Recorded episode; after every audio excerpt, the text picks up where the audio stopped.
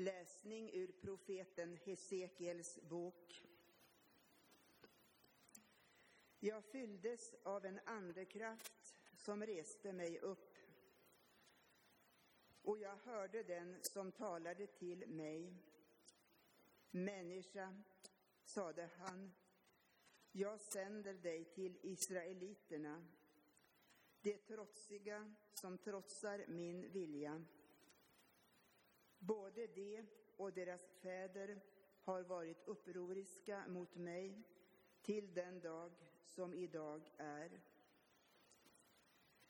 Till dessa människor med fräck uppsyn och hårt hjärta sänder jag dig. Det är ett motsträvigt folk, men vare sig de lyssnar eller inte ska du säga till dem, så säger Herren Gud. De kommer att inse att en profet har varit hos dem. Så lyder Herrens ord.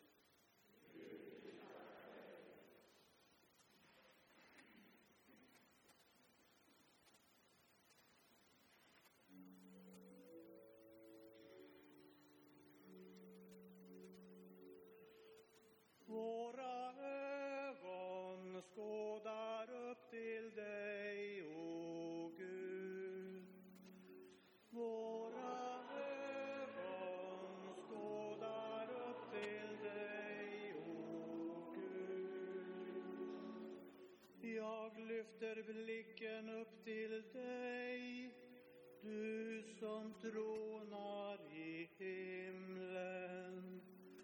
Våra ögon skådar upp till dig, o Gud.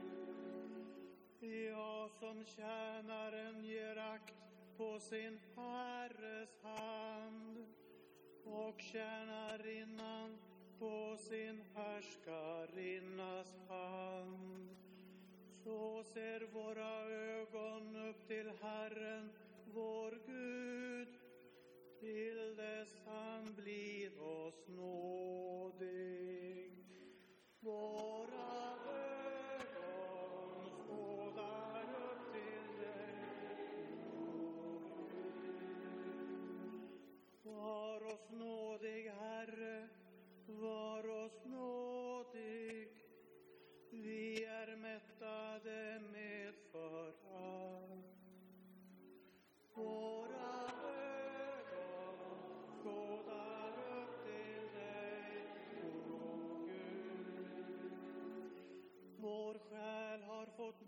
av det stoltas hån, det högmodigas förakt. Våra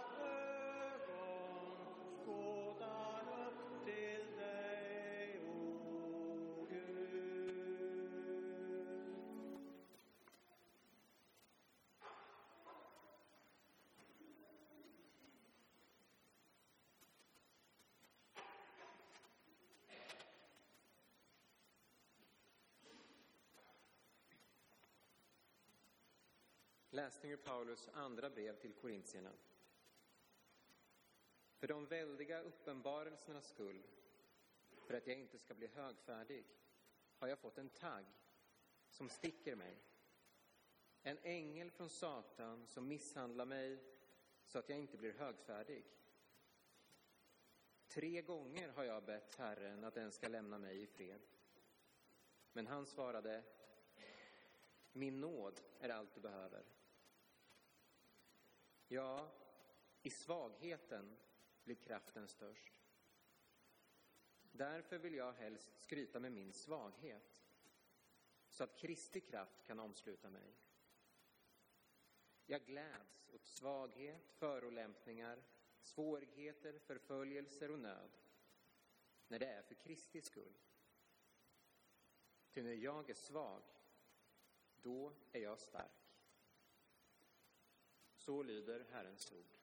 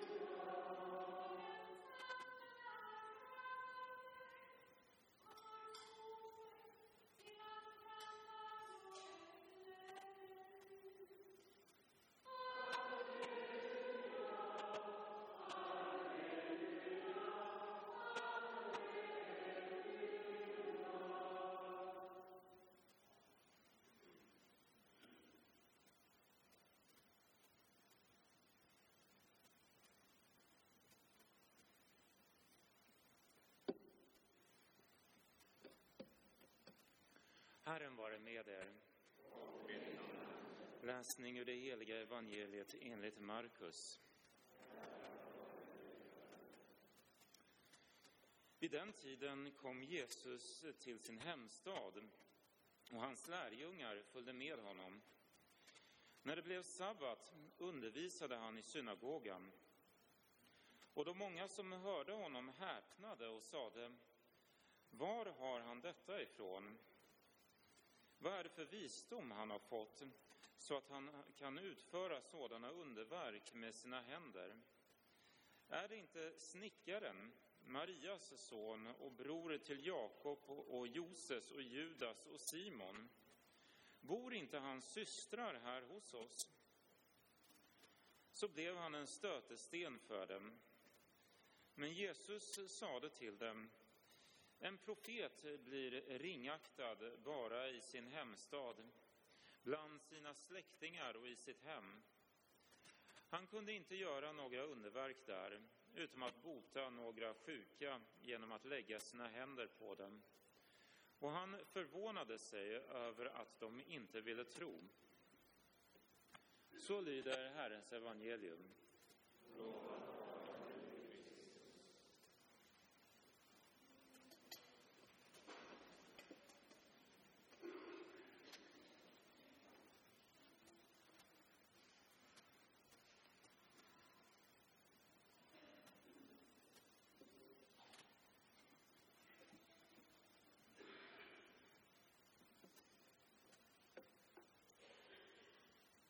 Sanningen. Detta är profetens signum. Profeten vågar tala sanning oberoende omgivningens reaktion. Han vägrar att kompromissa med sanningen genom att vara andra till lags eller dylikt. Kristus var präst, profet och kung. Detta kallas för hans monos triplex, hans trefaldiga ämbete. Och dagens läsningar ger oss anledning att meditera över vad det innebär att vara profet. Så som profet så liknade Jesus Elia. Och om det är sant att Jesus före sitt offentliga liv rörde sig i kretsarna kring Johannes döparen, så var den profetiska aspekten av hans liv mycket viktig. Johannes var en profetisk röst sprungen ur öknens kärvhet. Johannes lärjungar fastade och bad för att kunna tala sanning och vara sanna. Askes rensar bort lögner och illusioner. Någonting som också kännetecknade Jesus som profet var att han i en tid som var ganska lugn i Israel var emot både judiska och romerska institutioner samtidigt som man själv inte hade någon jordisk makt, institution, politiskt parti eller dylikt i ryggen. Han var snickarens son mot allt och alla och således en ensam röst. Profeten blir ofta ensam. Vi är alla här inne också profeter. Genom vårt dop smordes vi till sådana. För mig som präst kommer den profetiska aspekten till uttryck på många olika sätt. I predikstolen och i det pastorala arbetet så ska jag tala sanning utan rädsla. Och tillfällena att tala är många. Lögnerna eller illusionerna, önskedrömmarna syns ganska ofta tydligt i människors ögon. Och de framträder i de många orden. Sanningen ligger ofta fördold bakom fromhet, stolthet, intellektuellt prat eller annat. Finkänslighet måste prästen ha. Tål den han möter att höra sanningen. Men det är lögnerna som vi människor väljer att leva med som skiljer oss från Gud. Och vi integrerar dem, vi integrerar lögner och illusioner i vårt eget liv och vi blir mindre och mindre oss själva. Genom smink så döljer vi det fula i vårt liv. Men vi hindrar också den verkliga kraften och godheten och skönheten att spränga fram. Ärligheten kan faktiskt göra den värre syndaren till någon som står närmare Gud än den som syndar lite sådär fjuttigt men som döljer detta för Gud. Herren åt med syndare och inte med de rättfärdiga. Så bed för mig och alla präster att vi ska våga söka sanningen, finna den och göra den känd. Bed att vi ska vara utan rädsla så att vi liknar Paulus som gladde sig över förolämpningar och förföljelser om det var för Kristi skull. För er så innebär det profetiska sanningssägandet ungefär samma sak som för mig, även om ni inte har samma plikt att tala. Det är få, så att säga, yrken som skänker en sådan öppenhet och närhet till människor som mitt ämbete gör. Men gentemot människor i ert sociala liv, på ert arbete, så måste ni kanske ibland tala sanning. Men ni måste vara försiktiga, för ni har inte en buffert av tillit som ni har inom er egen familj. Endast ibland ges det dyrbara tillfället att avslöja en sanning för någon annan. Och att urskilja när detta tillfälle ges kräver att man lyssnar till den helige Ande. Det kräver finkänslighet. Kasta inte sanningen i ansiktet på folk, det sårar bara. Profetens och därmed också vår dyrgrip sanningen är dygden att tala sanning och vara sann. Att vara sann. Sanningen hänger ihop med det faktum att vi är. Du finns.